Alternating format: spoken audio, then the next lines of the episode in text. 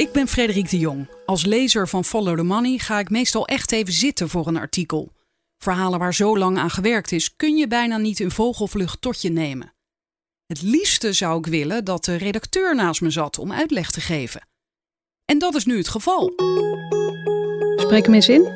Frederik vraagt door. De podcast van Follow the Money. I know you're gonna dig this. Siem Eikelenboom, je artikel staat online. Waar gaat het over? Het gaat over een thuiszorgbedrijf, een landelijk opererend thuiszorgbedrijf met het hoofdkantoor in Amersfoort. Dus opgericht in 1996. En wij kwamen er eigenlijk achter dat het een heel ingewikkelde structuur had. Ooit begonnen als een stichting, is het zeg maar, een bedrijf geworden met een hele hoop besloten vennootschappen en stichtingen. Met eigenlijk, wat was het doel daarvan, is het geld wegsluizen. Dat is kort gezegd waar het verhaal over gaat. Hebben we het dan over oplichting? Nee, het gekke is dat dit allemaal volslagen legaal is. Oh, En dat is, vind ik eigenlijk ook weer het, eh het trieste aan dit hele verhaal. onlangs heb ik Ilke van Ark gesproken over de cowboys in de zorg. eh, de, waar meerdere mensen miljonair van zijn geworden, bleek. I- Valt dit verhaal daar ook onder? Nou, eigenlijk niet, want er is, de zorg was op zich wel redelijk goed. De zorg was redelijk op kwaliteit, maar wat je wel hier ziet, dat hier nog veel meer geld is weggesluist dan bij de zogenaamde zorgcowboys. Nou, het was volgens mij bij die cowboys ook niet per se zo dat die zorg slecht was, toch? Ja, bij sommigen misschien, maar Bij sommigen wel, want je kan inderdaad, je verdient natuurlijk, eh, eh, hoe kun je geld eh, verdienen in de zorg? Hoe kun je eigenlijk frauderen in de zorg door inderdaad enorm te gaan bezuinigen op de, op de zorg zelf? ja. Hebben wij spreken, mevrouw Jansen, die heeft recht op drie uur thuiszorg per dag en je komt met twee uur langs. Dat soort simpele dingen. Dat zag je hier eigenlijk niet. Maar wat je hier wel ziet is dat AWBZ-geld, dus eigenlijk geld wat wij met z'n allen bijeenbrengen om de hulp, dat dat via hele slinkse constructies weggesluist werd. Nou, met name de oprichters en de aandeelhouders van die tent. En toch is het legaal. Ja, tot op heden heeft ook de inspectie niet kunnen vaststellen dat er strafbare feiten zijn gepleegd. En dat moet enorm frustrerend zijn. Voor jou en voor de inspectie misschien?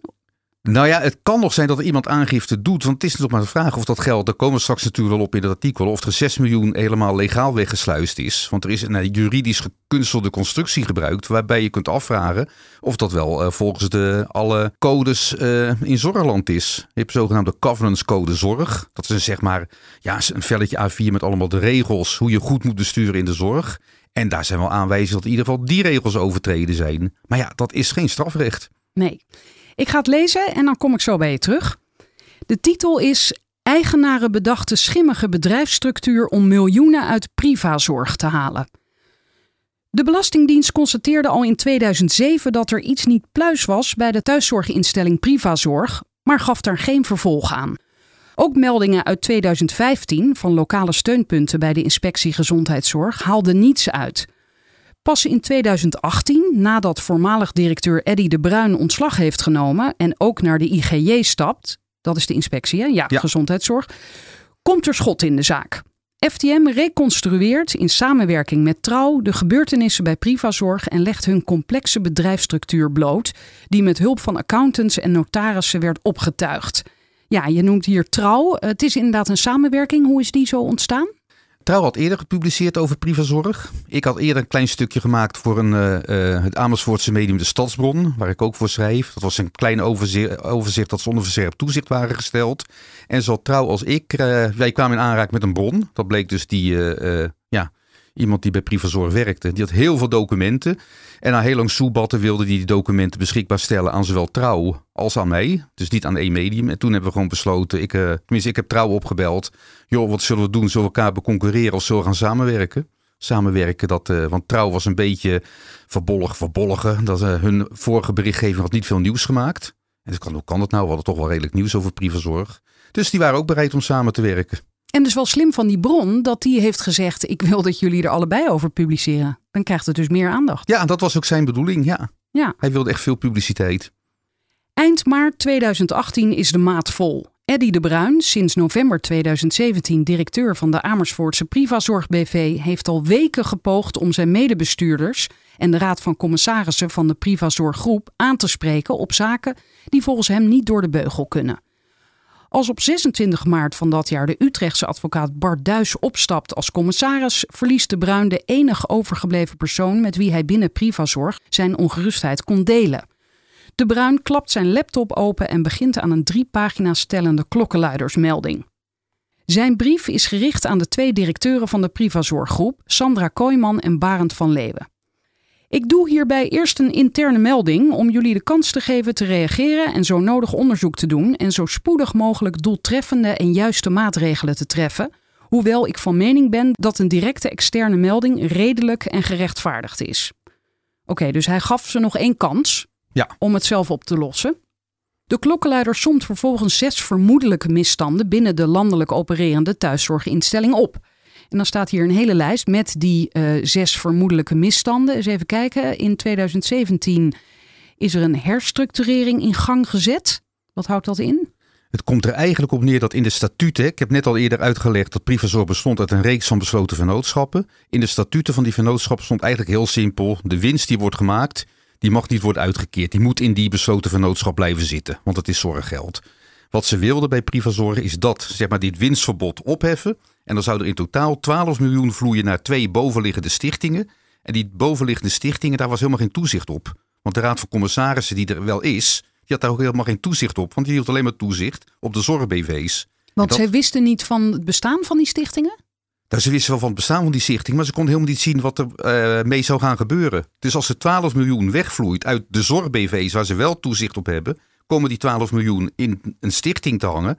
Ja, en de stichtingsbestuurder kan er bij wijze van spreken, die kan het gratis uitdelen aan de hongerige kindjes in Afrika. Of er een dure bungalow eh, van bouwen in Finland. Eh, ze hebben daar geen zicht op. Oké, dus dat is de eerste mogelijke misstand. Dan, na het vertrek van Bart Duis, telt de Raad van Commissaris nog maar één lid, Peter van den Burgt.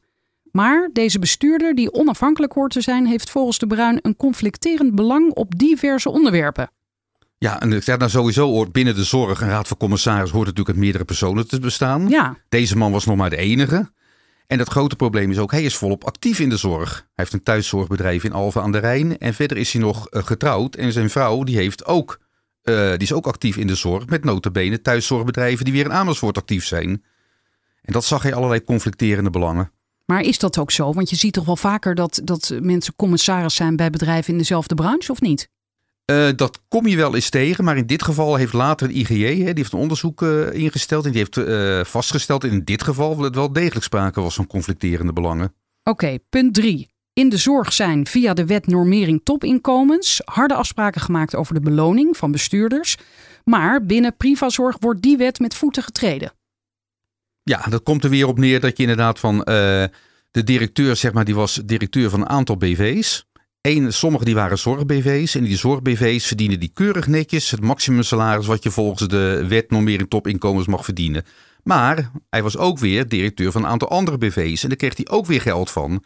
En hij was bestuurder van stichtingen die daarboven hingen. Daar kreeg hij ook weer geld voor. Dus bij elkaar zat hij op een salaris van 204.000. En dat was veel hoger dan zeg maar de, volgens de wet, dat hij volgens de wet mocht verdienen. Ja, en jij schrijft hier ook: het salaris van Kooiman en van Leeuwen is vastgesteld door puntje, puntje, puntje, Kooiman en van Leeuwen. Ja. En dat gebeurde ook heel veel binnen Privazorg. Dat je zag je daarna, ja, wat ik eerder zei, je had een spinnenweb en allemaal BV's. En die BV's die, die kenden elkaar allerlei weer managementvergoedingen en beheervergoedingen toe. En dan zag je steeds degene die zo'n managementvergoeding bepaalde. Dat waren steeds dezelfde mensen aan diverse kanten. Dus de directie van de ene BV die een managementvergoeding moest afsluiten met de andere BV. Dat waren steeds dezelfde mensen. dus de hele tijd als jij en ik zeg maar onderling maar contacten zouden afsluiten. ja, dat gaat wel lekker makkelijk. Het is hartstikke makkelijk. Hè? Ja, en dan bij punt 4 staat: volgens de Bruin heeft Van Leeuwen sowieso geen recht op deze hoge vergoeding. Nee, op papier zou de man 40 uur per week werken. Maar volgens mensen die binnen privazorg was hij er amper. Want hij stond al op punt om met pensioen te gaan. Dus hij was al aan het afbouwen. Maar Oh. verdiende desondanks een prima salaris. En dan punt 5. In 2013 is een groot bedrag uit de thuiszorgorganisatie weggesluist via een ingenieuze constructie. Ja, dit is natuurlijk heel... eh, 6 miljoen euro gaat het om, zie ik gaat, hier. ja, gaat om ontzettend veel geld. Het komt er simpel gezegd op neer. De oprichters, dat is een echtpaar uit Amersfoort. Die wilde in 2012 wilde die eigenlijk, eh, die wilde de tent verkopen. Naar hun zeggen hebben ze geprobeerd om een, buiten, of een externe partij te vinden. Dat is niet gelukt. Wij weten dat ze die tent hebben aangeboden voor 20 miljoen aan een andere Amersfoortse instelling. Die, tent, dat, die verkoop is niet doorgegaan. Maar uiteindelijk, ze konden dus geen externe koper vinden. Toen besloten ze maar om die aandelen intern te verkopen. En daar is toen een heel ingewikkelde constructie eh, voor opgetuigd. Dat geld als het ware uit de zorg zou worden weggetrokken naar een BV die niets met de zorg te maken heeft. En dan zou volgens die BV, die zou dan weer worden verkocht aan dat echtpaar. Maar heel ingewikkeld. Maar puntje bij paaltje was dat in 2013 het echtpaar opeens 6 miljoen euro in hand had. Wauw. En punt 6. Privazorg betaalt enorme bedragen aan Grant Thornton.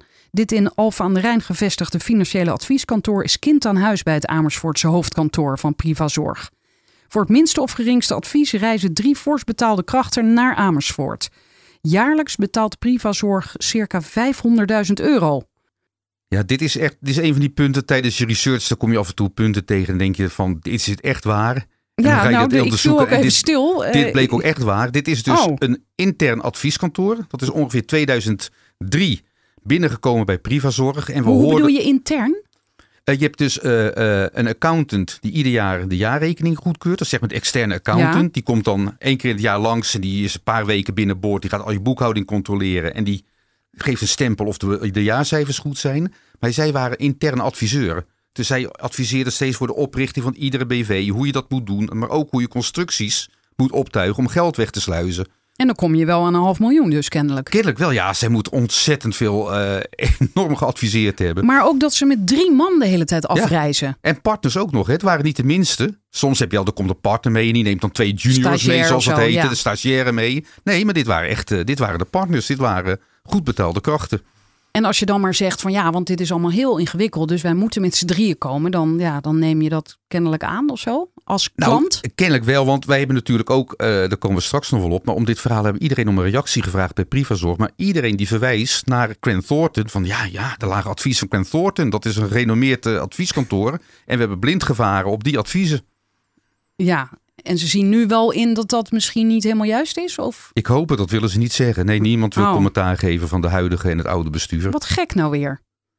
Het is iets wat ik vaker tegenkom. Oké, dit zijn dus die eh, zes punten die we net hebben besproken van die klokkenluider. Die heeft hij opgesomd. En dan schrijf jij, nadat hij zijn grieven heeft opgesteld, leest de Bruin zijn memo nog één keer door. Behalve naar Kooijman en Van Leeuwen mailt hij het stuk aan het enig overgebleven lid van de Raad van Commissarissen, Peter van Burgt. Wat zullen zij met zijn melding doen? De klokkenluidersmelding is niet bevorderlijk voor de sfeer tussen de Bruinen en Van Leeuwen. Twee weken na de melding en het zoveelste conflict met Van Leeuwen is de Bruin het zat. Hij klapt zijn laptop dicht, rijdt naar huis en meldt zich de volgende dag ziek. Kort daarop belt Van Leeuwen hem. Of hij echt ziek is, of die nog komt werken. Daar zal het niet meer van komen. Op 17 april, een paar weken nadat hij zijn interne melding heeft verstuurd, zegt de Bruin zijn contract met Privazorg op. Op 6 juli ontvangt hij thuis een beste Eddy-brief met de kop strikt vertrouwelijk. De afzender is het enige lid van de Raad van Commissarissen, Peter van der Burgt.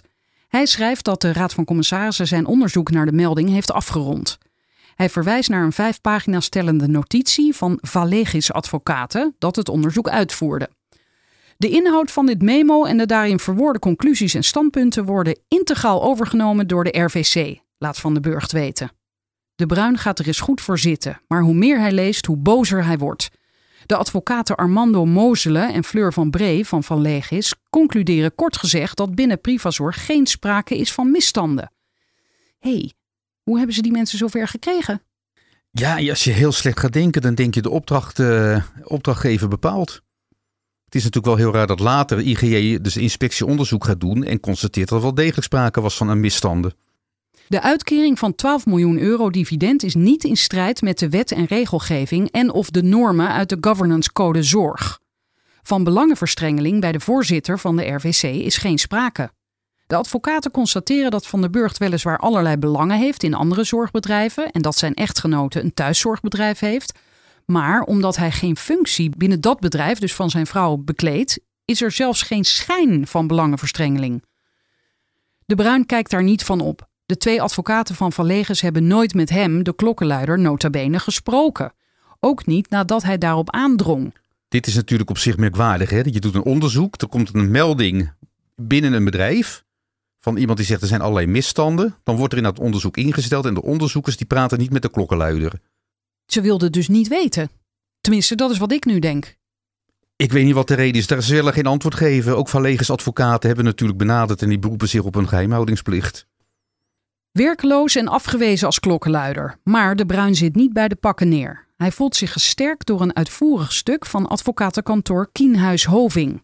Om zich juridisch in te dekken had hij al voor zijn melding van 26 maart 2018 twee juristen van dat kantoor om een uitvoerige evaluatie gevraagd en ze daartoe honderden interne documenten overhandigd. Oké, dus hij was zelf al wel een beetje eh, aan het twijfelen over of het wel zou werken. Dus hij had zich goed ja, voorbereid. Ja, nee, zeker. Dus voor die klokkenluidersmelding had hij al heel veel documenten verzameld. Die heeft hij ook gegeven aan het advocatenkantoor en heeft ook uitvoerige gesprekken uh, gehad. Dus in tegenstelling tot het advocatenkantoor dat de melding onderzocht, die niet met me sprak, gaf hij dus wel gesprek aan een ander advocatenkantoor. Waarvan ze overigens de juristen uh, dat zijn mensen die ontzettend echt specialisten in ondernemingsrecht en in het zorgrecht. Dus dat waren echt enorme deskundigen die dat advies hebben uitgebracht.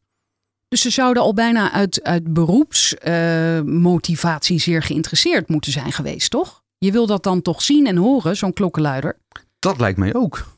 Los van het advies wat je daarna dan geeft, ja. dan kan je alsnog concluderen, nou ja, er is toch niet zo al te veel aan de hand. Nou ja, ik snap überhaupt niet waarom je het is al, in het strafrecht als je bijvoorbeeld met enquêtecommissies, hè, dan wordt er een, uh, wordt enquête ingesteld door de overheid of door een lokaal, uh, door de zeg maar college van BMW, dan praat je toch met alle betrokkenen. Ja. Je wilt toch iedereen de mening horen? Ja. De opstellers concluderen dat er bij Privazorg van alles mis is. Even kijken, de opstellers, waar waren we gebleven? Oh ja, bij die twee andere juristen, Ja. die dus wel hadden gesproken met de klokkenluider. Zo is er in 2013 in strijd met de statuten en de wet 6 miljoen euro aan het vermogen van Privazorg onttrokken via juridisch gekunstelde constructies. Ja, dat vertelde jij net. Ja. Kienhuis Hoving adviseert de Bruin de inspectie Gezondheidszorg en Jeugd, IGJ, in te lichten of de ondernemingskamer te vragen om een onderzoek in te stellen. In de loop van 2018 bezoekt de Bruin, vaak vergezeld door oud-RVC-lid Bart Duis en met zijn dossier onder de arm, geregeld de Nederlandse Zorgautoriteit, de NZA, maar ook de IGJ en het ministerie van Volksgezondheid, Welzijn en Sport. Hij wordt steeds welwillend aangehoord, maar zodra het op actie aankomt, wijzen de instanties naar elkaar. Pas na meerdere gesprekken en de overhandiging van zijn dossier komt de IGJ in actie. Heeft hij ook verteld over hoe die bezoeken dan gingen? Want dat lijkt me zo erg. Dan ga je erheen en denk je, nu gaat het gebeuren. Dus ze gaan luisteren, ze gaan ja, wat doen. Ja, dat was, dat was voor hem natuurlijk ook ontzettend eh, demotiverend. Want je denkt, je komt met een, uh, met een klippenklare zaak. Ik heb allemaal documenten, maar je echt moeten lobbyen. En dan zegt de NZ, ja, ja, wij kunnen dit niet doen. En IGJ, wij mogen wettelijk gezien dit niet doen. Dus instanties die wijzen ook allemaal, allemaal naar elkaar. Maar uiteindelijk, en dat is ook in juni 2018, zijn de IGJ en de NZA, die zijn samen in actie gekomen. En toen is er een onderzoek begonnen. Oké, maar dan staat hier wel: over de inhoud van het onderzoek mag de IGJ de Bruin wettelijk niets vertellen. Maar de inspecteurs beloven hem op de hoogte te houden van de procedurele stappen. Maar dat gebeurde niet, zegt hij. Ik heb via de media moeten vernemen dat Privazorg in april 2019 onder verscherpt toezicht was geplaatst. Na maanden gebeurt er nu wat, maar had de inspectie niet veel eerder in actie moeten komen? Wat wist de IGJ eigenlijk over Privazorg? Even over dat verscherpte toezicht. Wat, wat houdt dat eigenlijk in? Dat houdt eigenlijk in dat je inderdaad dan, uh, ja, je geeft aanwijzingen aan een zorginstelling van dit moet op orde zijn. Bijvoorbeeld je zorgdossiers moet op orde zijn. En in dit geval ook de governance, dus het hele bestuur moet in orde zijn. Dus je staat eigenlijk onder direct toezicht, direct contact met de IGJ.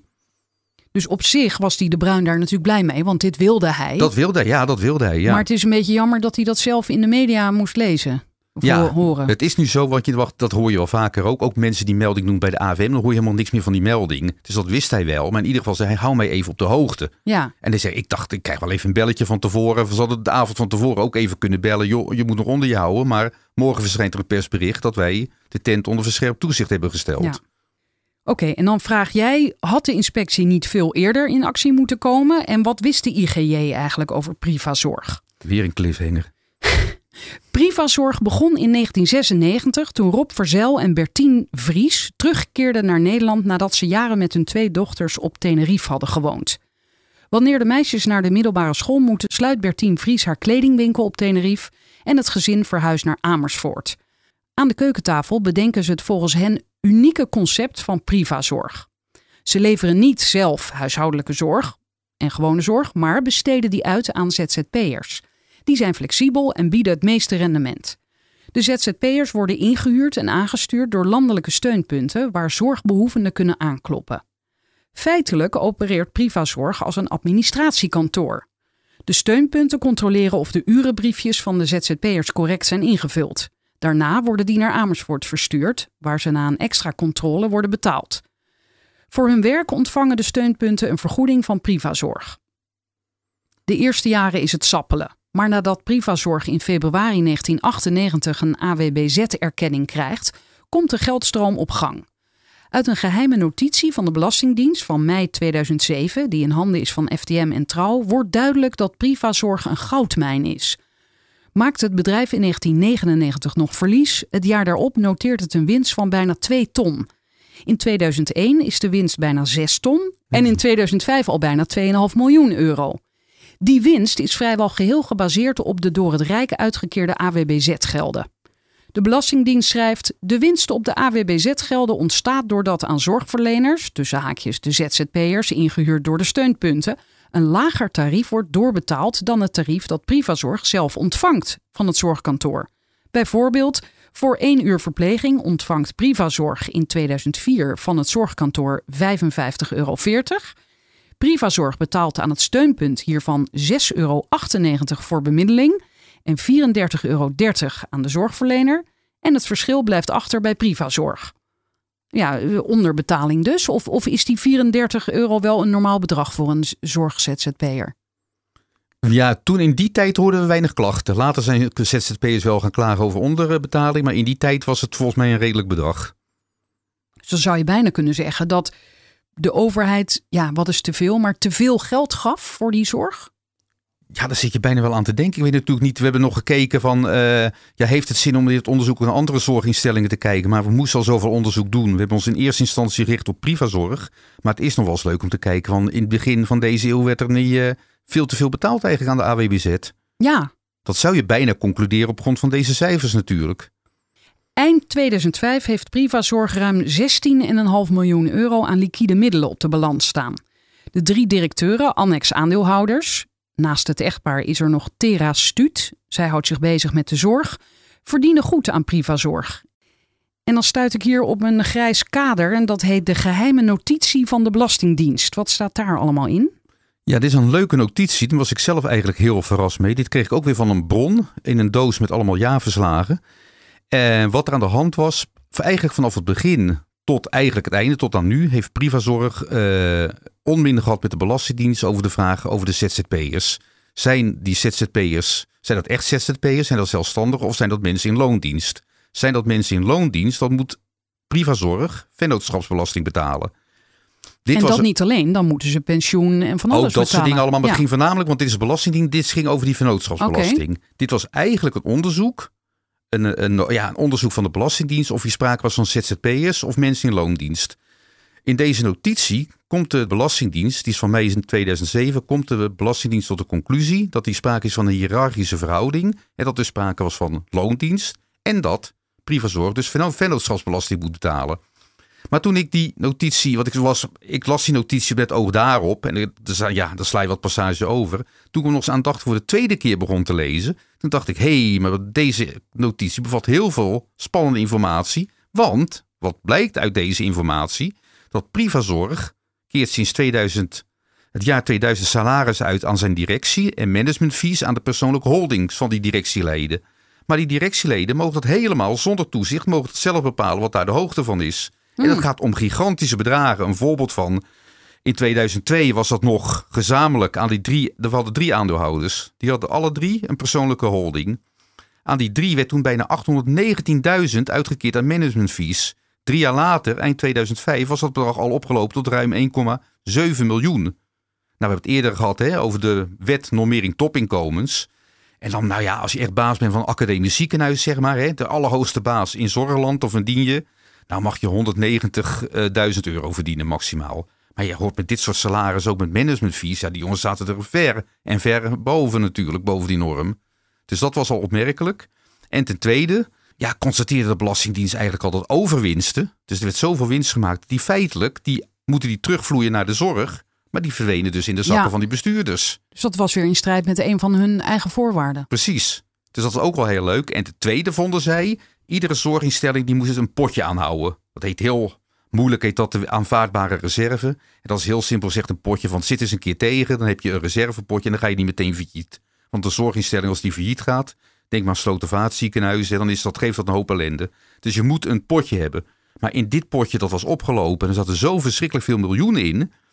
En, constateerde de Belastingdienst, die pot was dus eigenlijk te groot. Maar niemand had toezicht op die pot.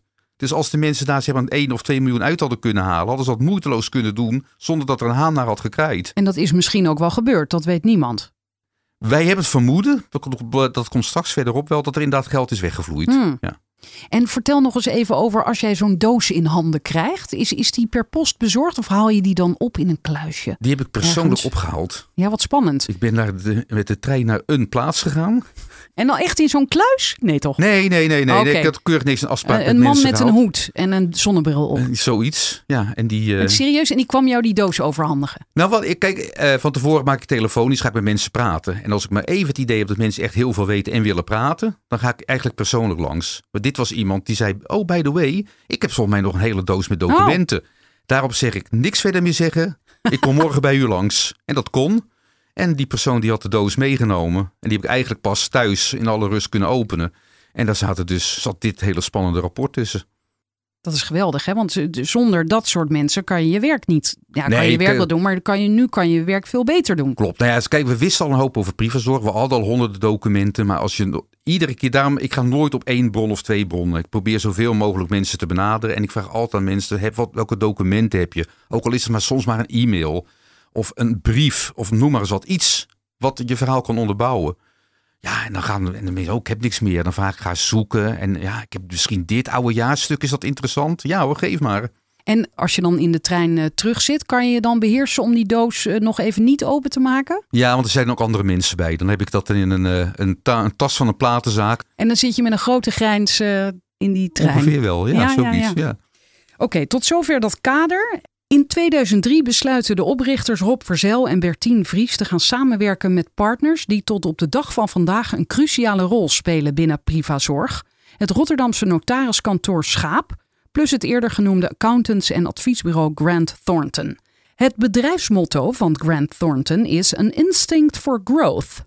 Notaris Marianne van der Laak wordt Privazorgs vaste contact bij Schaap voor het opstellen van de talloze oprichtingsactes, statutenwijzigingen, actes tot fusie, aandelenoverdrachten, etc. Bij Grant Thornton vormen bedrijfsadviseur René Zijdeman en accountants Hans Piersma en Teun Huisman het adviesteam.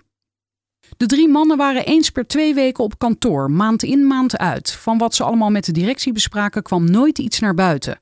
Als je er naar vroeg, kreeg je geen antwoord, zegt een bron.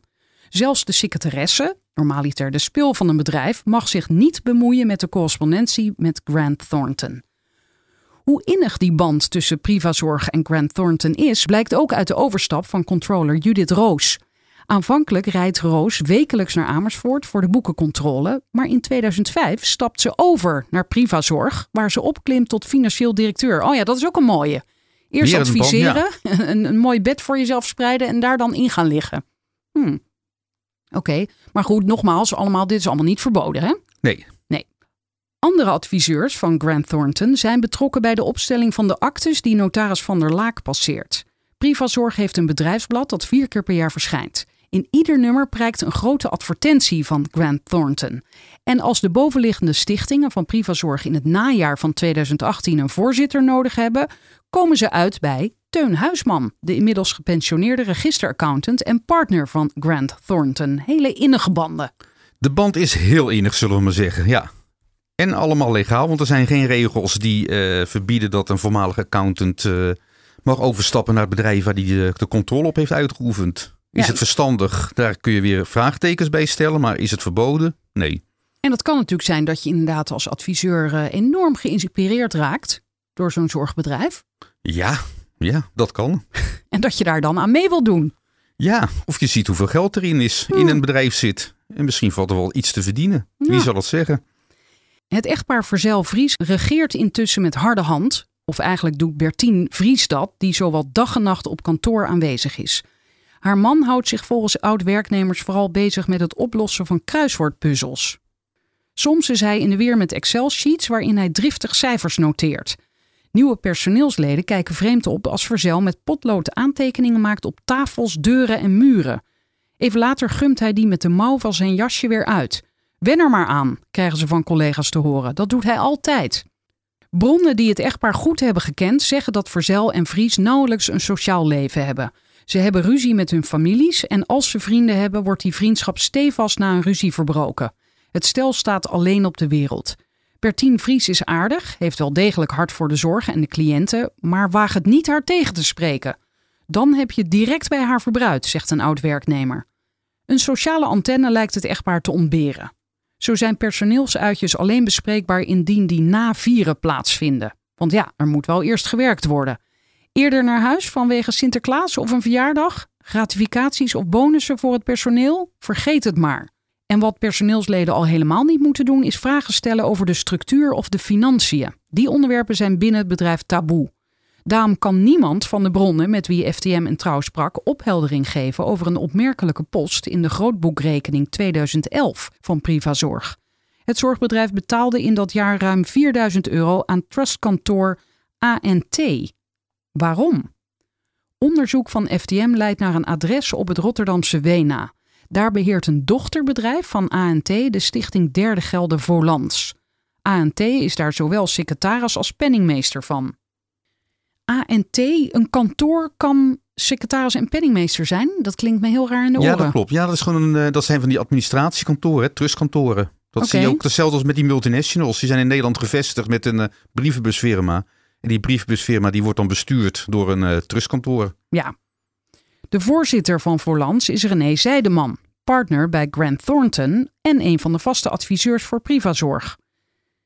Ja, ik ga je, stap je nu zo overheen, maar eigenlijk begrijp ik dit niet zo goed.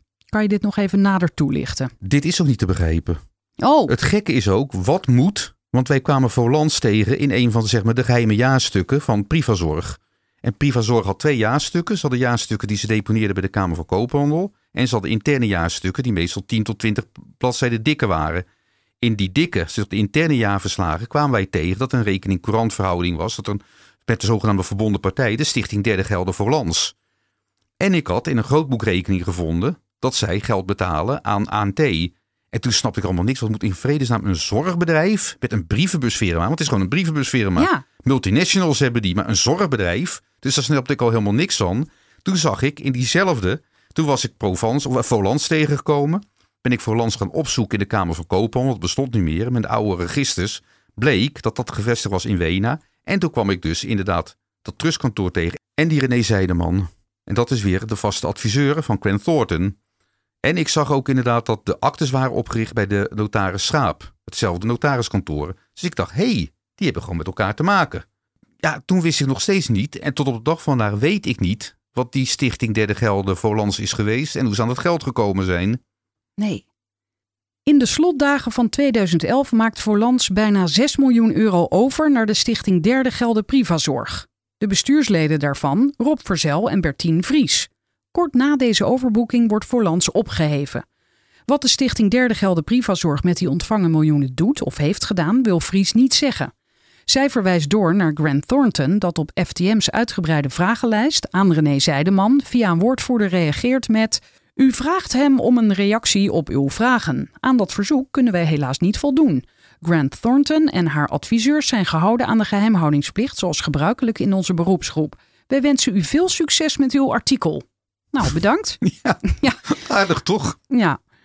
Eind 2011 vindt er vanuit Privazorg een tweede opmerkelijke betaling plaats. Volgens de grootboekrekening over het boekjaar 2011 wordt in totaal 2 miljoen overgemaakt naar twee vennootschappen van Verzeil en Vries. De omschrijving luidt dividend 1996 tot en met 2011. In juli 2012 worden de beide BV's van het echtpaar opgeheven. Ja, want toen waren ze waarschijnlijk al leeg. Ik denk het wel, ja. Ja, ja, ja. Dan is er nog Stichting Derde Gelden Serpens. Opgericht in juli 2005 en gevestigd op het huisadres van het echtpaar. De bestuurders daarvan, de twee BV's van het stel. Privazorg heeft een rekening-courantverhouding met Serpens. In 2008 beginnen Rob Verzel en Bertien Vries na te denken over hun toekomst. Rob wordt dat jaar 64, Bertien 59. Is het geen tijd om te stoppen? De Amersfoortse zorginstelling Beweging 3.0 heeft interesse om Privazorg over te nemen, volgens bronnen voor een aanzienlijk bedrag. Maar naast Verzel en Vries is er een derde aandeelhouder die met de verkoop moet instemmen, zorgdirecteur Tera Stuut. Zij heeft 20% van de aandelen in handen. Stuut heeft in de periode 2005 tot en met 2007 geprobeerd orde op zaken te stellen bij Privazorg. Er werden steunpunten geleid door mensen zonder enige ervaring in de zorg. Makelaars, mensen uit de handel, er zat van alles tussen.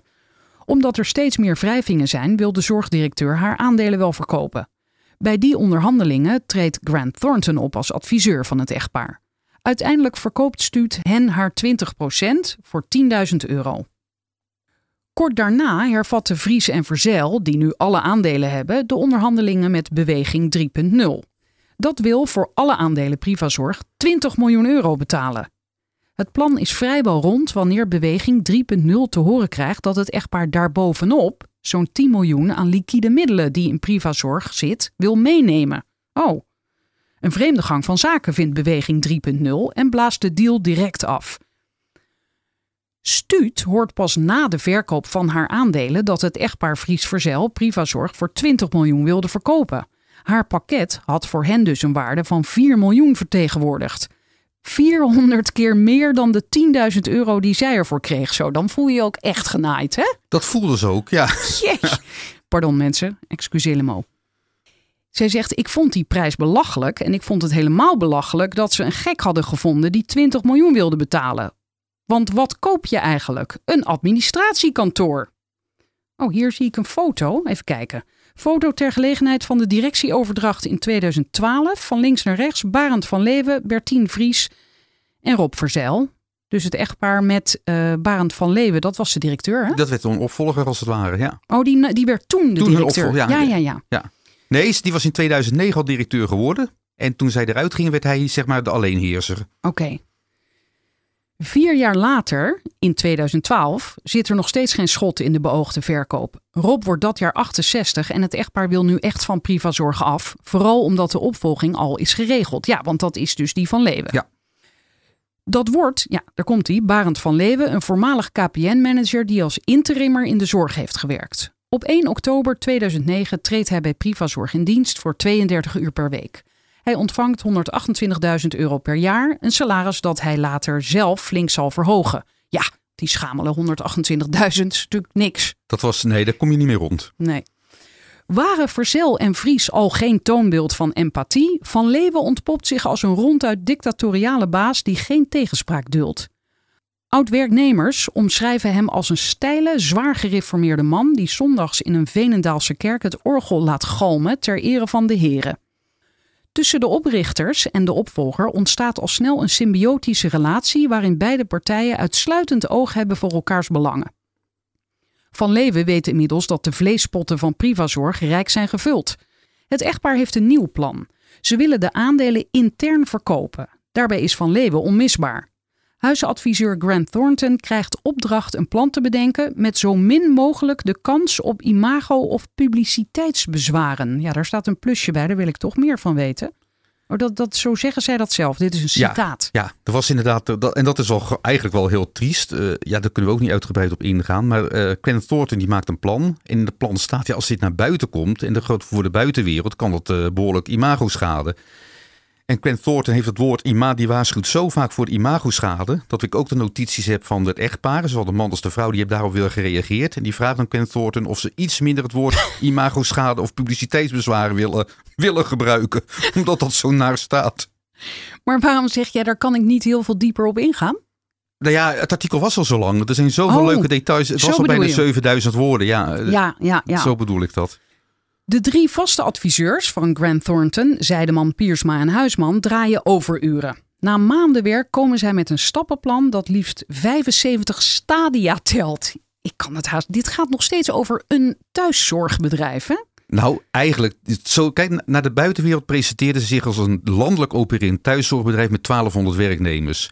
Maar eigenlijk de zorg, die werd eigenlijk geleverd door steunpunten. Wat in Amersfoort zag, het is eigenlijk een beetje een lullig administratiekantoortje. Wat op het hoogtepunt niet meer dan 47 werknemers heeft gehad.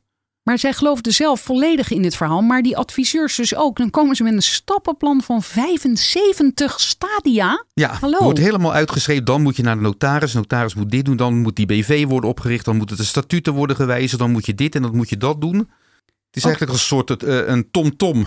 Maar Ja. dan eh, voor een juridische constructie. Ja, en dan, dan staat hier als alles volgens schema wordt uitgevoerd, vloeit daarna 6 miljoen euro naar het echtpaar. En dat is die 6 miljoen die je al eerder noemde. Dat is Klopt. dus ook gebeurd. Het is precies uitge... Ja. De hele constructie, alle zin, eh, 75 stappen zijn stap voor stap gevolgd. Ja, dus in die zin een goed advies. Heel goed advies.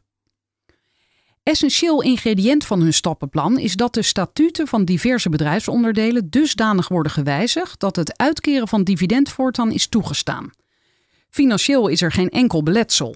Alleen al Privazorg AWBZ, een van de vele onderdelen van de Privazorggroep, heeft eind 2012 een eigen vermogen van 7,8 miljoen en bijna 15 miljoen aan liquide middelen. Maar voordat dividend kan worden uitgekeerd, moet eerst een forse hobbel worden genomen. Het gaat immers om zorggeld. Zorggeld mag eventueel worden gebruikt om investeringen te doen en reserves aan te vullen, maar mag je het ook gebruiken om aandeelhouders uit te kopen? Ja hoor, zeggen de adviseurs van Grant Thornton, maar dan moet wel de link naar de zorg worden verbroken. Dat gebeurt via een complexe transactie waarin 6 miljoen euro naar een nieuwe BV gaat. Die wordt verkocht aan het echtpaar, dat vervolgens de koopprijs van 6 miljoen euro niet betaalt. Dit is de constructie waarover de advocaten van Kienhuis Hoving later oordelen dat die juridisch gekunsteld is en dat in strijd met wet en regelgeving vermogen aan privazorg is ontrokken. Ja, daaronder staat een enorm schema waarin het nog eens goed wordt uitgelegd, want het is ongelooflijk ingewikkeld. Ja, maar dat is uh, door mijn collega Jorik van Essen gemaakt. Die heeft ook twee paar dagen Oh. aan gewerkt. Maar daarin wordt voor de liefhebbers, zou ik toch aanraden, ga eens naar de site en ga eens kijken hoe dit in elkaar zit. Want dit is nog de simpele uitvoering. Ja, want net viel het me ook al op, als jij dingen uitlegt hierover, dan blijkt wel hoe ingewikkeld het is. Want dan sluit jij je ogen om even goed te weten hoe zat het ook alweer. Ah, is dat zo? Ja, Ja, dat, dat we je onbewust. net. Maar het, nee, het klopt, het is ingewikkeld. Het heeft voor mij ook, om die constructie, het heeft voor mij ook eh, eh, dagen gekost om erachter te komen hoe werkt het dan precies. En ik ben ook gewoon gaan eh, velletjes gaan maken aan elkaar en ik ben gewoon gaan tekenen. Hoe zit het dan? Ja, want daar is ook een filmpje van. Ja, hieronder staat dat. Daar kunnen mensen ook naartoe. Dat heb ik bekeken. Dat is ook wel mooi. Daarin zie je gewoon het, het, het oude ambacht hè, van de, de Ja. journalist, de onderzoeksjournalist. Je hebt gewoon alles met pen en papier op, uh, op A4'tjes Ja, geschreven. Ja. Ja. Hebben ook jongere collega's, maar er is tegenwoordig toch software voor. Ik zeg ja, er is wel software voor, maar die software zit op een heel klein schermpje en dan heb je het nog het overzicht niet. En ik ben zo'n oude lul die het inderdaad doet op een A4'tje. Is dat een klein plak ik er nog eentje aan vast. Nou, nou, en nou. nog eentje en nog eentje. Laten we je gewoon eminence grise noemen. Hè? Dat is net, net iets Ja. eh, aardiger. Omdat de adviseurs van Grant Thornton kennelijk wel inzagen dat de transactie die ze voorstelden juridisch wankel was, adviseerden zij de bestuurders eerst de rechter om toestemming te vragen. De advocaten van Kienhuis Hoving schrijven: Dit is niet gebeurd, althans, uit niets blijkt dat dit advies is gevolgd. Om de opzet te doen slagen is medewerking van Barend van Leeuwen als algemeen bestuurder van Privazorg essentieel. Gaat hij dwars liggen, dan kan het echtpaar naar zijn centen fluiten. Om Van Leeuwen te prikkelen wordt in 2011 de stichting Sociaal Fonds Helios opgericht. Dat fonds wordt niet op het kantooradres van Privazorg gevestigd, maar op het huisadres van Verzel en Vries, die het fonds via een privé-BV besturen. Helios heeft volgens de statuten zorgverlening als doel. Maar FTM en Trouw beschikken over interne documenten die een ander licht op Helios werpen. Het echtpaar en Van Leeuwen leggen in een overeenkomst vast dat Van Leeuwen van cruciaal belang is voor de toekomst van Privazorg. Mocht hij buiten zijn schuld worden ontslagen of gaat Privazorg failliet, dan is Van Leeuwen voor de buitenwereld zo met Privazorg vereenzelvigd dat hij nergens meer anders aan de slag kan. Daarom komt er een pot van 400.000 euro uit te keren bij zijn ontslag of het faillissement van Privazorg. Verzel zelf geeft de opdracht dat bedrag van een Privazorgrekening over te boeken. Bankafschriften van ING bevestigen de betaling. Hier is natuurlijk wel iets Zo. geks aan de hand. Hè? Die van Leeuwen, die wordt tegen hem gezegd van hij is voor de buitenwereld zo met Privazorg vereenzelvigd dat hij nergens anders meer aan de slag kan. Daar kan me iets bij voorstellen. Hè? Je hebt bijvoorbeeld, noem eens wat, een directeur die zeg maar bestuurder van, die 25 jaar bestuurder van Shell is geweest. Die wordt niet meer, als hij weggaat, de Shell gevraagd door een andere oliemaatschappij. Maar deze meneer Van Leeuwen was op dat moment dat hij al onmisbaar was, die was net een jaar in dienst. Nou, maar kennelijk heeft hij, beschikt hij over waanzinnige capaciteiten. Ja, kennelijk heeft hij er in een jaar tijd eh, zich onmisbaar weten te maken. Maar over een goede gouden, gouden handdruk gesproken. Dit, dit, vier ton staat er dan voor je klaar. Ik zou hem wel willen hebben. Wat is er met die 4 ton gebeurd? Van Leeuwen wil er niets over zeggen. In december 2016 is Helios opgeheven. Oh. Ook Vries weigert commentaar en verwijst naar Grant Thornton, dat zich opnieuw beroept op zijn geheimhoudingsplicht. Dus misschien heeft hij het al gekregen, dus. Of, er zijn twee opties. Of hij heeft gekregen, of het echtpaar heeft het zelf gehouden. Oh, ja, ja. Maar Dat heeft he- hem gelokt misschien met die 4 ton? Dat ja, kan we weten allebei. niet. Nee, nee, De- nee. de- Op onze vragen, we zien dat het eh, het bedrag is overgemaakt. Want we beschikken over de grootboekrekening. Dus zien dat het bedrag uit het zorgbedrijf overgeboekt is naar die stichting. Wat ook wel heel raar is, die gevestigd was. Niet op het hoofdkantoor van Privazorg, maar op het privéadres van het echtpaar wat de tent heeft opgericht. Ja, wat er vervolgens met het geld is gebeurd, ja, we weten het niet. En is het zo dat als je inderdaad zegt, eh, stel dat zij het zelf eh, eraf hebben gehaald. En ze kunnen ook aantonen, kijk, het staat toch op ons adres, het is onze BV. Of werkt het niet zo? Ja, maar waarom, kijk, ze leiden een zorgbedrijf. Waarom ga je vier ton zorggeld overmaken naar een stichting die op jouw privéadres zit? En wat het gek ook nog eens maakt, ze zit ook een beetje te jokkenbok over de statuten. De statuten staat dat een zorgbedrijf is, maar wij zien dat dit hele stichting, dat Sociaal Fonds, hem één doel had. Namelijk vier ton te reserveren voor die meneer Van Leeuwen. Ja. Ja, en dat is volgens mij geen zorg. Ja, financiële Ja, zorg. zorgen voor meneer ja, Van Leeuwen. Zorg, ja. ja. Oké, in die manier is het zorg. Microzorg. Microzorg, financiële zorg. Het personeel van het hoofdkantoor en de directeuren van de steunpunten weten niets van deze transacties. Oud-werknemers van Privazorg en oud-directeuren van steunpunten aan wie Follow the Money en Trouw de documenten tonen, reageren stom verbaasd. Wel wordt het de steunpunten vanaf 2013 duidelijk dat Privazorg zaken verborgen houdt en afspraken niet nakomt. Een aantal steunpunten verzamelt zich in de bende van vijf en voert begin mei 2013 gesprekken met de directie van Privazorg, voornamelijk met Barend van Leeuwen. Maar vragen van financiële aard stuiten op een muur van stilte. De steunpunten concluderen dat de organisatie volledig gesloten is op financieel gebied. Iedere vorm van feedback wordt gezien en behandeld als kritiek en neergesabeld door de directie van Privazorg. Steunpunten worden dan aangesproken op opruiende taal, staat in een interne notitie van de steunpunten. Voor de juiste administratieve documenten en voor scholing zijn de steunpunten aangewezen op het hoofdkantoor. Maar cursussen over bijvoorbeeld het indiceren komen niet of te laat. Ja, indiceren is toewijzen van zorg, toch? Precies, We wat voor bepalen- zorg iemand nodig heeft, Ja, inderdaad. Ja. Oké, dus cursussen die daarover gaan, komen niet of te laat. Als een steunpunt dan zelf maar een cursus organiseert en daarvoor kosten maakt, meldt het hoofdkantoor dat die maar ten dele worden vergoed. De onrust neemt toe wanneer in april 2015 vijf steunpunten door de IGJ onder verscherpt toezicht worden geplaatst. Dat was helemaal mooi. Het hoofdkantoor heeft hun zaken niet op orde en de steunpunten worden daarop aangesproken, zegt een betrokkenen. Drie van deze steunpunten waren uit een interne kwaliteitscontrole van het hoofdkantoor, de zogeheten vlootschouw, notabene naar voren gekomen als de beste. De steunpunten beginnen zich ernstig zorgen te maken over dit kwaliteitsinstrument van Privazorg. Kort daarna zegt Privazorg eenzijdig de samenwerking op met de drie steunpunten. Ze behoren allemaal tot de bende van vijf. Een aantal andere steunpunten vertrekt uit vrije wil en begint voor zichzelf. Iets vergelijkbaars gebeurde ook al in 2010, toen juist de steunpunten die de beste zorg leverden zich solidair verklaarden met directeur zorg Tera Stuut, die na verkoop van haar aandelen bij Privazorg vertrok. In 2010 zijn er ook al steunpunten vertrokken. En die, hebben zich, die verklaarden zich solidair met die directeur zorg Tera Stuut. Dat is die vrouw die zo echt gepiepeld is met de aandelen. Ja. Weet je wel, die 10.000 voor haar aandelen kreeg terwijl ze eigenlijk 4 miljoen waard Ja. waren. Maar nadat zij vertrokken is, nadat ze haar aandelen verkocht heeft, is ze niet meer betrokken geweest bij welk steunpunt dan ook. Hè? Nee, nee, het zat haar eigen steunpunt, maar dat, dat, is ook, dat heeft ze uitgekocht. Dus ze is helemaal voor zichzelf begonnen. En maar naar haar vertrekt, dus heeft haar eigen steun, steunpunt had. ze, Dat heeft ze meegenomen. En in haar kielzels zijn nog een aantal eh, steunpunten weggegaan. Oké. Op 20 augustus 2015 spreken de directeuren van drie kritische steunpunten uitgebreid met de IGJ. Ze vertellen over de heimelijkheid op financieel gebied, over wanbeleid op het hoofdkantoor, over de angstcultuur die de steunpunten ervaren. Bij kritiek wordt de samenwerking meteen opgezegd. Open communicatie is onmogelijk. Ze vertellen de inspecteurs ook dat de organisatie van Privazorg anders in elkaar steekt dan de inspecteurs denken.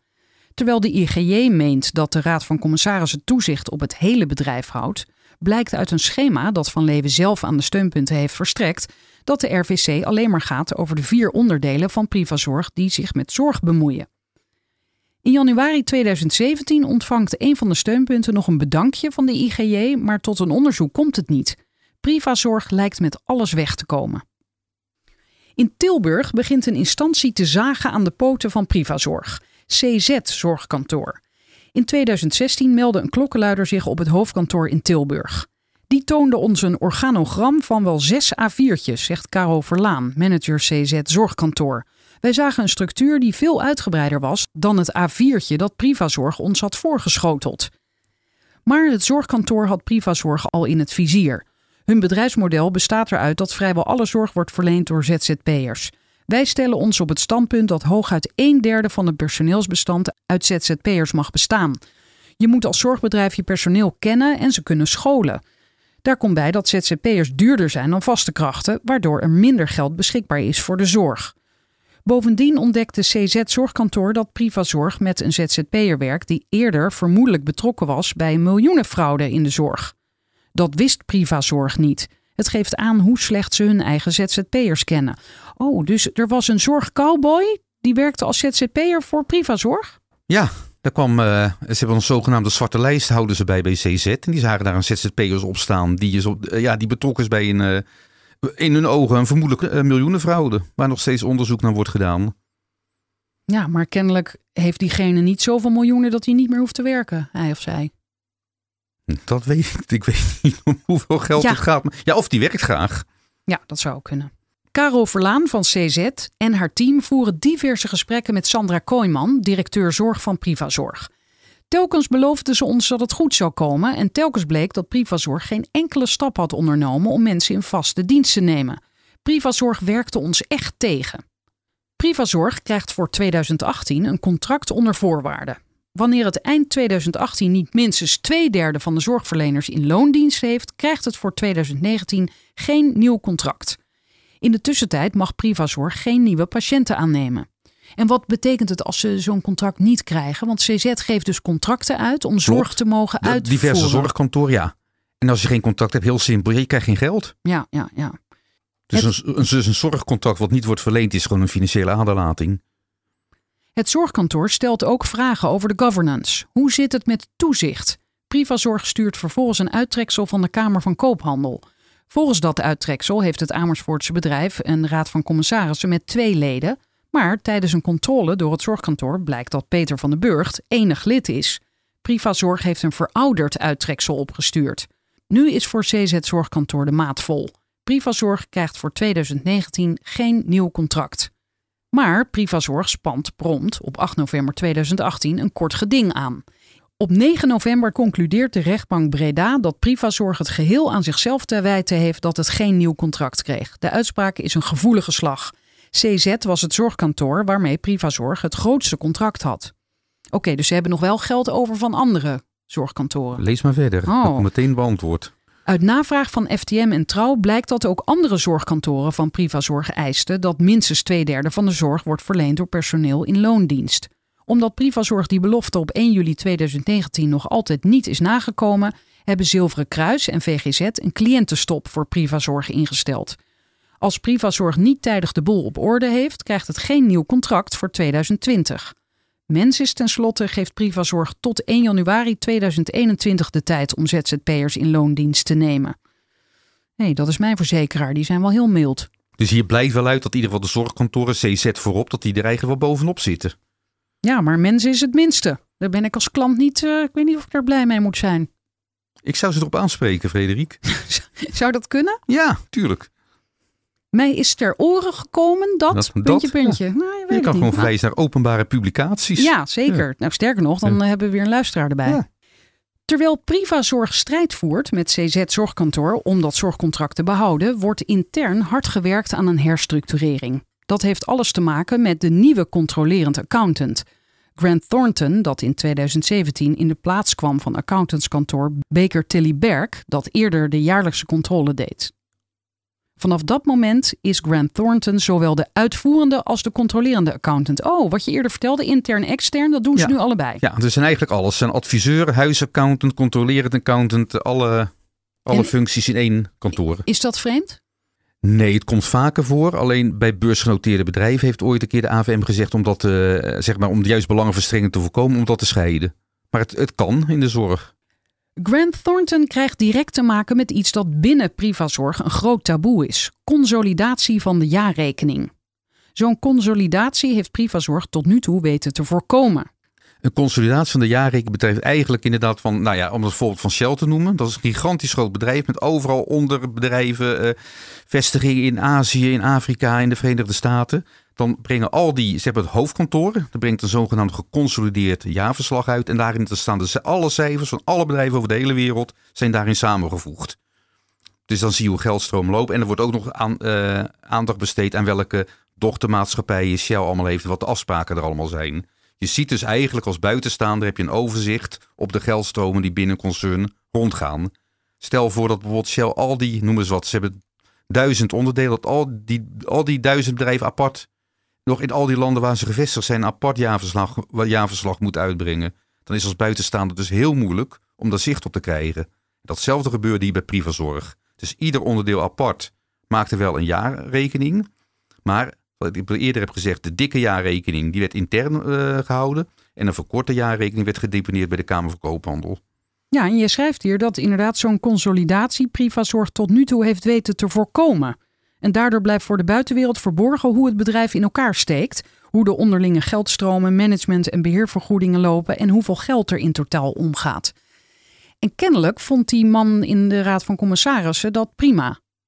Ook, ja, maar het grote probleem was, die Quentin Thornton zag dat de regels waren ondertussen veranderd. Dus in 2017 moesten ze wel, zoals de structuur op dat moment was, konden ze niet onderuit. Ze waren gewoon ja, door de regels gedwongen om voor het eerst te gaan consolideren. En dat wilde iedereen dus koet voorkomen. En daar gaat de, dat lezen we verder nu. Dat wil niet zeggen dat er geen geconsolideerde jaarrekeningen bestonden. Die werden wel degelijk gemaakt. Ze waren echter alleen bestemd voor een select groepje. FTM en Trouw beschikken over de geconsolideerde jaarrekening van 2016 van Gustos Letus. Zeg ik dat zo goed? Ik denk het wel, ja. Ik denk ja. Gustos Letus is. De stichting die tot 1 januari 2018 de aandelen van alle Privazorgonderdelen bezat. En wat blijkt? Eind 2016 heeft Gustos Letus een eigen vermogen van ruim 26,5 miljoen euro. De liquide middelen bedragen ruim 23,6 miljoen. Het bedrijf waar 46 mensen werken bulkt van het geld. Hoe kan dat? Ja, ik zie hier nu heel veel cijfers staan. Ik weet niet of we dat dan kunnen volgen. Kan jij uitleggen hoe dit kan?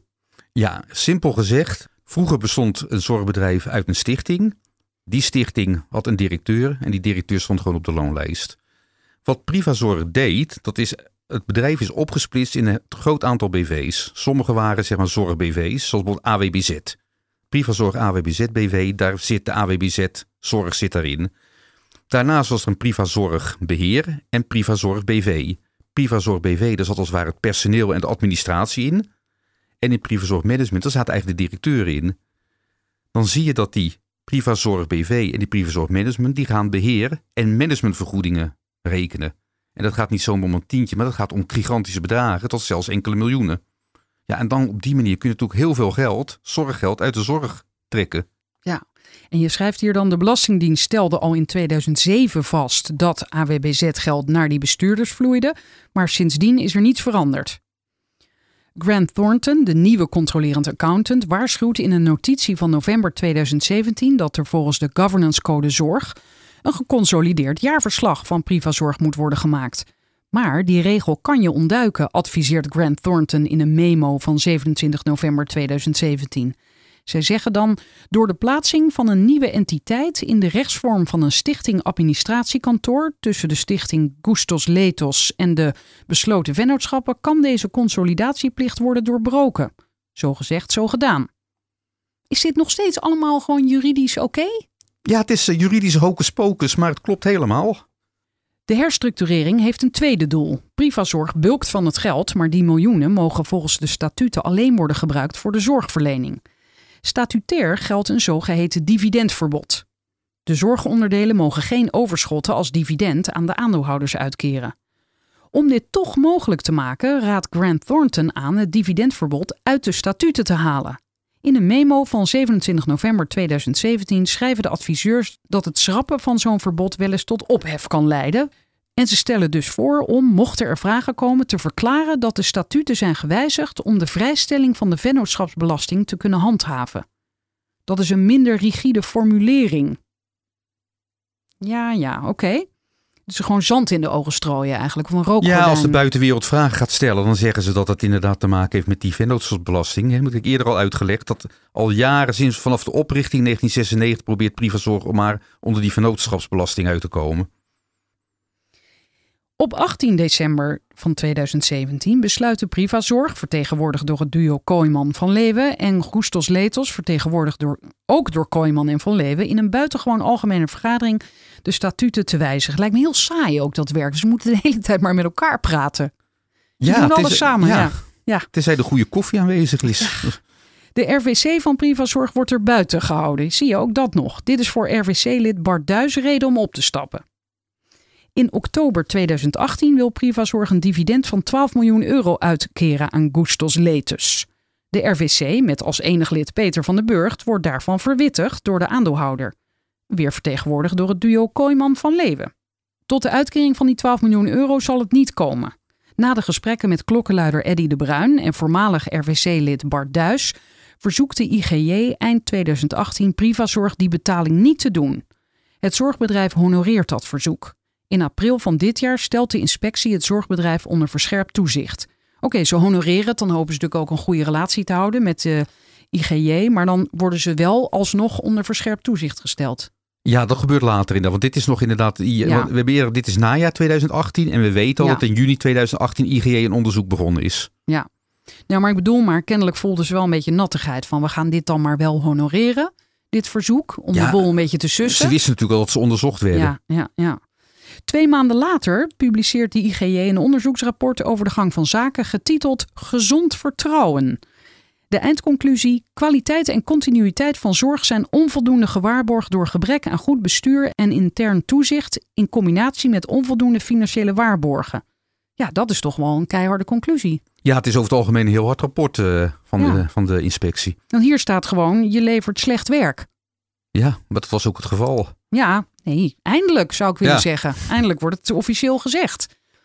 Ondanks de kritische inhoud is klokkenluider Eddy de Bruin teleurgesteld. Hij zegt het rapport laat alles zien wat niet klopt, maar consequenties blijven uit. Er volgt geen aangifte tegen bestuurders die willens en wetens geld onttrokken op een onjuiste wijze. Dat mag dus. Niemand lijkt hier verantwoordelijkheid in te nemen.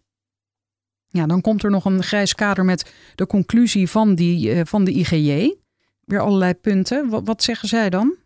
Ja, er komt er eigenlijk inderdaad van dat er sprake was van een, op zijn minst een schijn van belangenverstrengeling bij zowel de uh, Raad van Commissarissen, de enige toezichthouder Peter van der Burgt, als bij de zeg maar, directieleden van Leeuwen en Kooijman. Maar ook, en dat is wel uh, een belangrijk punt, dat de financiële verslaglegging van Privazorg niet op orde was. En dat is natuurlijk, kijk, de naam Quen Thornton wordt hier niet genoemd, maar we weten natuurlijk dat het hier om Quen Thornton gaat. Dus eigenlijk zegt IGJ tegen de de interne accountant en de, het bureau wat al die adviezen heeft geleverd. Ja, jongens, dat is. Uh, ja, die financiële verslaglegging die is gewoon niet op orde. Die voldoet niet letterlijk aan de vereisten voor een ordelijke en controleerbare bedrijfsvoering. Privazorg is onvoldoende transparant jegens interne en externe toezichthouders en voldoet daarmee niet aan de waarden en normen die passen bij de maatschappelijke positie van een zorgaanbieder. En zou dat nou tot gevolgen hebben geleid bij Grant Thornton? Dat, dat, dat iemand daar heeft gezegd: dit moet dus beter? Geen idee van. Kijk, Quentin nee. Thornton, we hebben een lijsten met vragen ingestuurd bij Quentin Thornton, uh, maar die willen ze maar niet beantwoorden. Want ze beroepen zich steeds op een geheimhoudingsplicht. Ja. ja, dan houdt het op. Maar goed, op deze manier komen ze toch ook niet goed naar buiten. Dus ja, geheimhoudingsplicht, allemaal leuk en aardig. Maar je wilt op een gegeven moment toch gewoon zeggen, ja, tenzij het echt helemaal mis is. Nou ja, ik ben natuurlijk maar daar ga ik niet over. Komt er, niet, uh, komt er geen tuchtrechtprocedure? Hoe gaat de, de Nederlandse beroepsorganisatie van accountants hiermee om? Ja. ja. Opmerkelijk is dat het IGJ-rapport haak staat op de bevindingen van advocatenkantoor Vallegis, dat naar aanleiding van de melding van klokkenluider De Bruin in juli 2018 nog monter concludeerde dat er binnen Privazorg geen sprake was van misstanden. Ja, precies, die, die hadden niks uh, raars gezien. Uit het IGJ-rapport blijkt dat accountants en adviesbureau Grant Thornton de conclusies van het onderzoek niet wilden accepteren wat van die uh, advocaten die zeiden dat er niks aan de hand was? Nee, de jury deden wat technische aspecten. Uh, er waren onderdelen in het IGJ-rapport en Quen Thornton wilde die niet uh, accepteren. In het rapport zelf, dan zie je staan, want Quen Thornton wordt nergens genoemd, maar dat interne accountant de resultaat van het onderzoek niet wilde accepteren. Oh, ja, ja. Ja, maar dan staat hier nog bij, volgens Grant Thornton voldeed het onderzoek van de IGJ niet aan de daaraan te stellen vaktechnische eisen. Ja. ja, je kan me alles wijsmaken, maar... IGJ denkt er anders over en die hebben dit gewoon in het rapport opgenomen, dus... Ja, dat rapport stelt voorts vast dat het thuiszorgbedrijf niet alleen problemen heeft met de zorgkantoren, maar ook gemeenten lopen weg. had Privazorg in 2016 nog contracten met circa 140 gemeenten. In 2018 waren dat er nog maar 85. Dat gemeenten en zorgkantoren Privazorg de rug toekeren, heeft zijn weerslag op de financiële situatie. Terwijl het geld jarenlang binnenstroomde, had Privazorg in 2018 een verlies oh, van circa 2 miljoen euro. 2 miljoen! En een dergelijk verlies wordt ook over dit jaar verwacht. Ja, dat heeft natuurlijk te maken met die, zorgkantoren. Uh, nu Ja. één zorgkantoor al weg is, maar ook gemeentes steeds minder, als die WMO-zorgen. Steeds minder gemeentes nu een contract willen afsluiten met Privazorg. Ja, En dit is natuurlijk iets dat na deze publicatie misschien doorgaat. eh, als dit in dit tempo gaat, na hoeveel jaar zouden ze dan failliet gaan? Nou, wat zei ze? Hebben nog eh, liquide middelen van een aantal miljoen. Ja, dus ze Dus ze kunnen nog kunnen- wel een aantal jaar Ze- vooruit. Ja, ze kunnen nog wel een, ze kunnen nog minstens een jaar volhouden. Oké, nee, ik, de- ik maak me even zorgen over meneer Van Leven. En, want die vier ton is ook al eh, verdwenen. Die is al met pensioen. Dat komt wat verderop in het Oh artikel. ja, die de- is al wat, met Ja, wat is pensioen, ja. met iedereen gebeurd? Die is inmiddels Ja, met pensioen. Privazorg kreeg in november. Ja, hier staat het. Pri- Privazorg kreeg in november 2018 een nieuwe directeur, Rolf Burkers. Die al snel botst met de RVC. Nou ja, de RVC, die, die Peter dus van de Burgt, die ene man. Ja, maar die, ja, maar die zitten dan nog inderdaad in. Ja, er zijn er ook later, er zijn er inmiddels nieuwe bijgekomen. Oké. Ja. Samen met de cliëntenraad stapt hij naar de ondernemingskamer. Die stelt in juli drie onafhankelijke bestuurders aan bij de RVC, de twee stichtingen en Privazorg Management. Zij moeten er met de al zittende bestuurders voor zorgen dat Privazorg eindelijk zal voldoen aan alle normen, regels en wetten die binnen de zorg gelden. Dit is dus wel een, goede ontwikkeling, hè? dat er eindelijk eh, meer mensen bij komen. Ja, ondernemingskamer, dat is echt een rechter. Dat is zeg de rechtbank voor het bedrijfsleven. En die, kunnen, die hebben vergaande bevoegdheden. Die kunnen bijvoorbeeld lasten dat er een onderzoek komt naar de gang van zaken. Dat is in deze zaak ook gevraagd. Maar dat heeft de ondernemingsramer nog niet bepaald. Maar ze hebben wel besloten, het is daar zo'n janboel op het gebied juist van het beleid. Dat op alle niveaus, bij de stichtingen, de zorg-BV's en bij de Raad van Toezicht, dat daar nieuwe mensen moeten komen. En dat zijn dus onafhankelijke bestuurders die door de rechter zijn benoemd. En die Rolf Burkers, die nieuwe directeur, die heeft daarvoor gezorgd. Dus die zag in dat er iets moest gebeuren. Ja, die zag in dat. Ja, die heeft een goede rol gespeeld. Maar hoe, want hier staat gewoon dat hij in november 2018 de nieuwe directeur werd. Maar hoe, hoe kwam hij daar binnen dan? Weet ik niet. Op een gegeven moment is hij ook weer benoemd door een. eh, ja, dat voerde weer te ver. eh. Oké. Ja. In mei van dit jaar vertrok Peter van den Burgt, oh, de voorzitter van de RVC, nadat hij de conceptversie van het IGJ-rapport Gezond Vertrouwen onder ogen had gekregen. Trok hij zijn conclusies van ik, heb, ik ben niet goed genoeg, eh, ik heb het niet goed genoeg gedaan? Of? Nee, dat wilde, dat wilde hij niet bevestigen tegen ons. Maar het is wel. eh, tot, dus voordat het definitieve rapport uitkwam. En hij heeft dus het concept gelezen. waarin hij dus beticht werd van belangenverstrengeling. of de schijn van belangenverstrengeling. heeft hij eh, zijn ontslag genomen. Directeur Barend van Leeuwen ging eind 2018 met pensioen. Deze maand, augustus, werd bekend dat op verzoek van de ondernemingskamer zowel Teun Huisman, Sandra Kooijman en de net aangetreden directeur Rolf Burkers zijn teruggetreden. Oh, oh die zijn teruggetreden. Ja. Het echtpaar Verzel Vries verkocht in 2014 hun woning in Amersfoort. Ze wonen nu in Nunspeet, waar ze een riante bungalow hebben laten bouwen op een perceel dat ze in 2012 voor 7,5 ton euro hebben gekocht. Een hypotheek voor huis of grond was niet nodig, nee, allicht. Eind 2017 zat er nog altijd bijna 5,2 miljoen euro aan liquide middelen in hun vennootschap. Uit een berekening van FTM blijkt dat het echtpaar vanaf 1996 tot eind 2014 minimaal 14,2 miljoen euro uit privazorg heeft gehaald. Vries wil op deze berekening geen commentaar geven en verwijst naar Grant Thornton. Dat kantoor beroept zich wederom op zijn geheimhoudingsplicht. Of ze van hun geld kunnen genieten is de vraag. Rob Verzel is ernstig ziek en heeft continu zorg nodig. Oh, dat is wel heel ironisch. Waar zou hij die zorg eh, van krijgen? Van Privazorg of van een andere onderneming? Daar hebben we geen idee van. Het ziet er naar uit dat het koppel de 6 miljoen euro die ze in 2013 kregen kan behouden. De IGJ concludeert in haar rapport dat er in 2013 weliswaar miljoenen aan Privazorg zijn ontrokken, maar kan niet met zekerheid zeggen dat dat oneigenlijk is gebeurd. Privazorg levert namelijk ook kraamzorg en thuiszorg en die vallen niet onder het winstuitkeringsverbod. Maar bij die conclusie noteert de IGJ zelf: hierbij moet aangetekend worden dat de besluitvormingsprocedure rondom de herstructurering 2013 niet nader is onderzocht. Het wachten is op een partij die dat wel gaat doen. En hier eindigt het artikel. Verwijs jij daarmee inderdaad naar bijvoorbeeld een, een tuchtkamer, tuchtcollege?